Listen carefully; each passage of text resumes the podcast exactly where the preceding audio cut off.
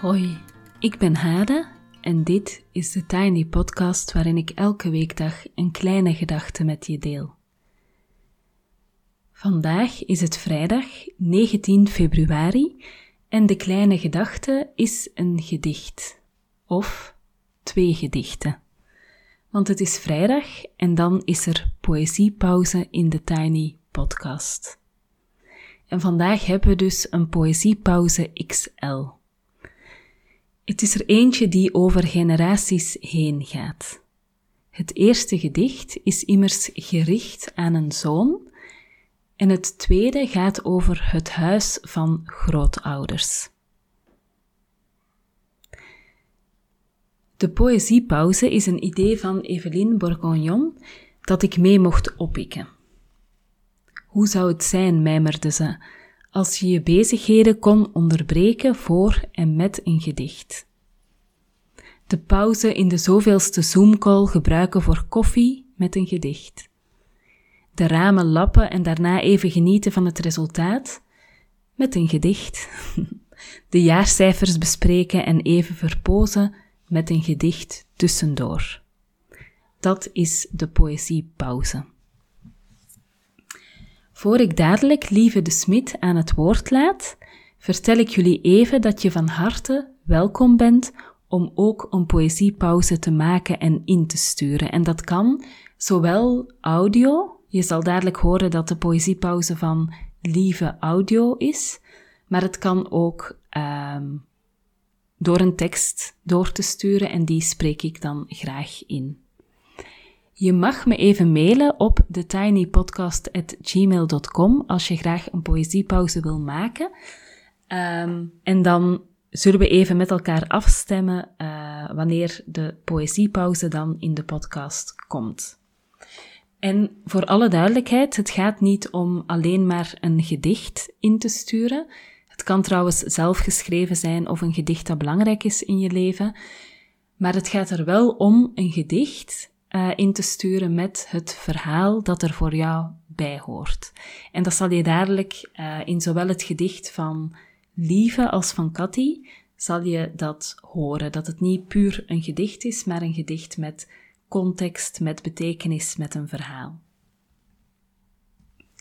En we beginnen bij Lieve.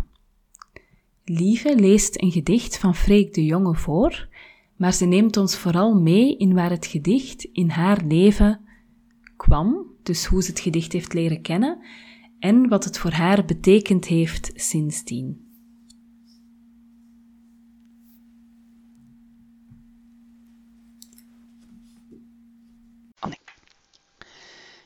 Ik neem jullie graag mee voor een gedicht dat voor het eerst in mijn leven kwam toen ik een jaar of vijftien was, verwerkt in een toneelvoorstelling van het plaatselijke jeugdtoneel. Als puber, eindeloos vatbaar voor melancholie, zoekend in het leven, toen al, en hunkerend naar vrijheid, verwoordde dit gedicht zo goed mijn verlangen. Het greep me heel erg aan, vooral de laatste zin, die door mijn hoofd is blijven spoken. Ik heb hem altijd blijven koesteren, die laatste zin. Hij raakte nooit helemaal uit mijn hoofd.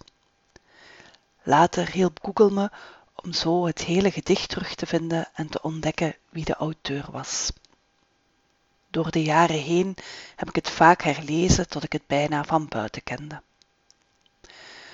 Toen op 22 maart 2016 de aanslagen in Brussel plaatsvonden, werd dit gedicht voor mij opeens weer de manier om te verwoorden wat ik voelde.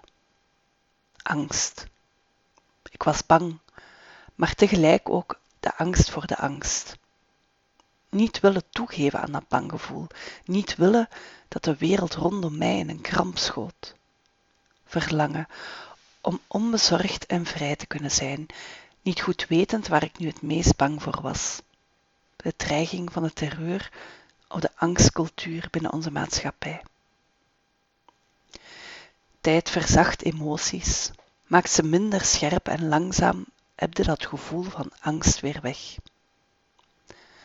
Maar de laatste tijd is het er weer.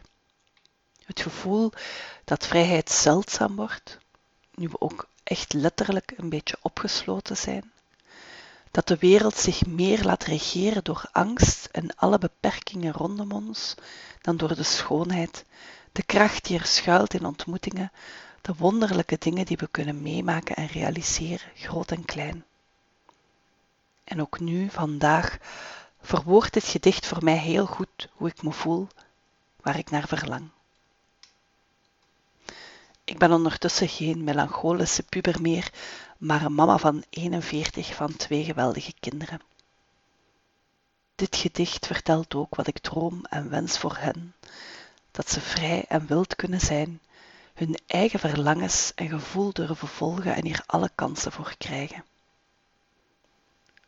Ooit lees ik hen ook dit prachtig gedicht voor, maar nu alvast voor jullie. Ben jij nog ergens tegen? vroeg ik. Ben jij nog ergens voor? Hij keek naar de hemel en zei langs zijn neus: Er voor of er tegen is niet de keus. Ik bouw niet meer mee aan die muur. Wil jij niet kiezen? vroeg ik, zoon. Waarom neem jij geen standpunt in? En ik keek naar de hemel. Hij deed of hij dacht: Welke kiezers hebben de macht? Ik kies liever niet. Ik deel. Wat heb jij te delen? vroeg ik, zoon. Je hebt immers helemaal niets. En ik keek naar de hemel als zag je daar iets. Wat kun je makkelijker delen dan niets? Wat je hebt, dat wil je allemaal. Heb jij nog idealen? vroeg ik, zoon. Wat is jouw heilig ideaal? En ik keek naar de hemel en zei met een lach: Een vogel te zijn die zweeft bij de dag. Vliegen lijkt mij ideaal. Maar vliegen is een vlucht, zei ik, zoon. Waarvoor, voor wie ben jij op de vlucht?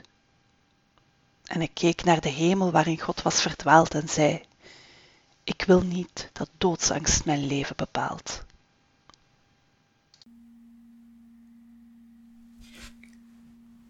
En zoals ik reeds zei, hebben we vandaag een poëziepauze extra large met als rode draad generaties. Want Cathy stuurde me ook een gedicht door haar vriend Steven van der Heijden geschreven. En ik deel zijn website in de show notes.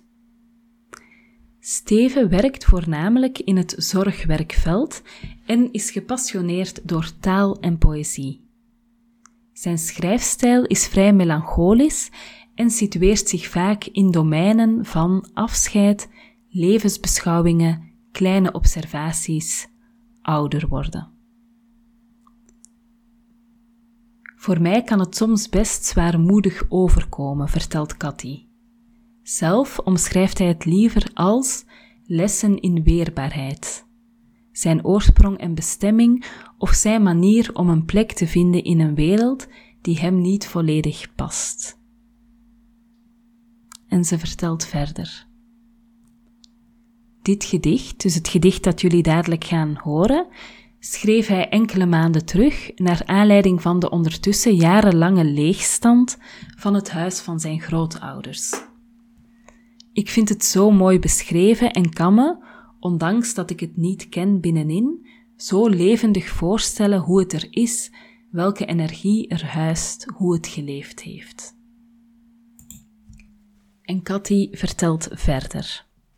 Als ik, als ik dit gedicht lees, dwaal ik natuurlijk direct af naar dat ene huis van mijn grootouders, met zo'n herkenbare elementen erin.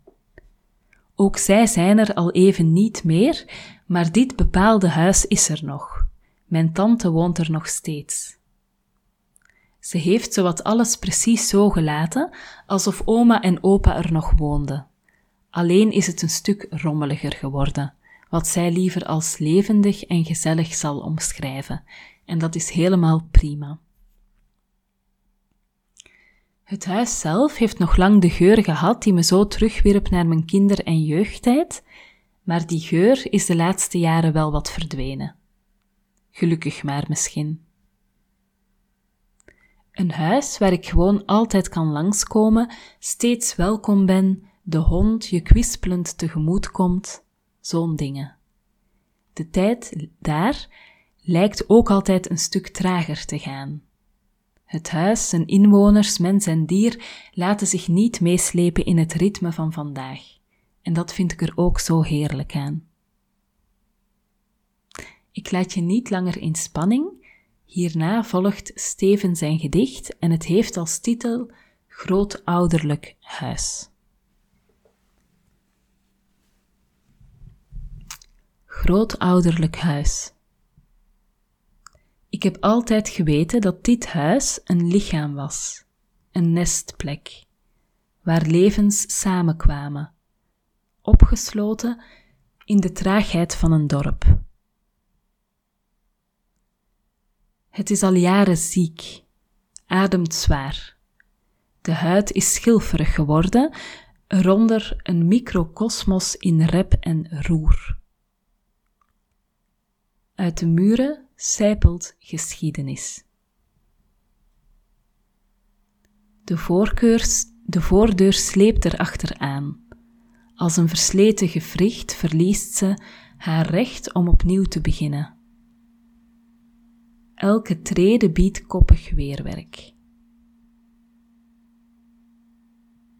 Gezichten lijken hier enkel nog in lijsten te bestaan boeken bewaren, eenzaamheid met gebroken rug, hun ziel al lang verkast.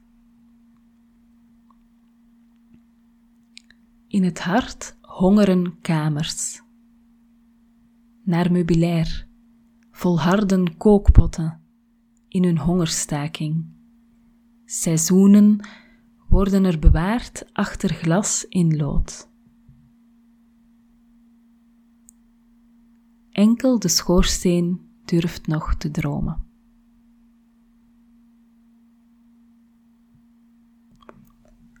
Dit gedicht was van Steven van der Heijden en, zoals reeds gezegd, zet ik zijn website in de show notes voor als je meer wil weten of meer wil lezen. Dankjewel, lieve. Dankjewel, Cathy. Dankjewel, Steven. En tot zover de Tiny Podcast van vandaag. Je kan me volgen op Instagram, TheTinyPodcast. Je helpt me door deze podcast wat sterretjes te geven op iTunes, een review achter te laten en of hem door te sturen aan iemand anders die er misschien ook graag naar luistert. Abonneer je via Spotify, Google Podcast of Apple Podcast en zo wordt de podcast ook makkelijker vindbaar voor anderen. Dank je wel om te luisteren en heel graag tot volgende week.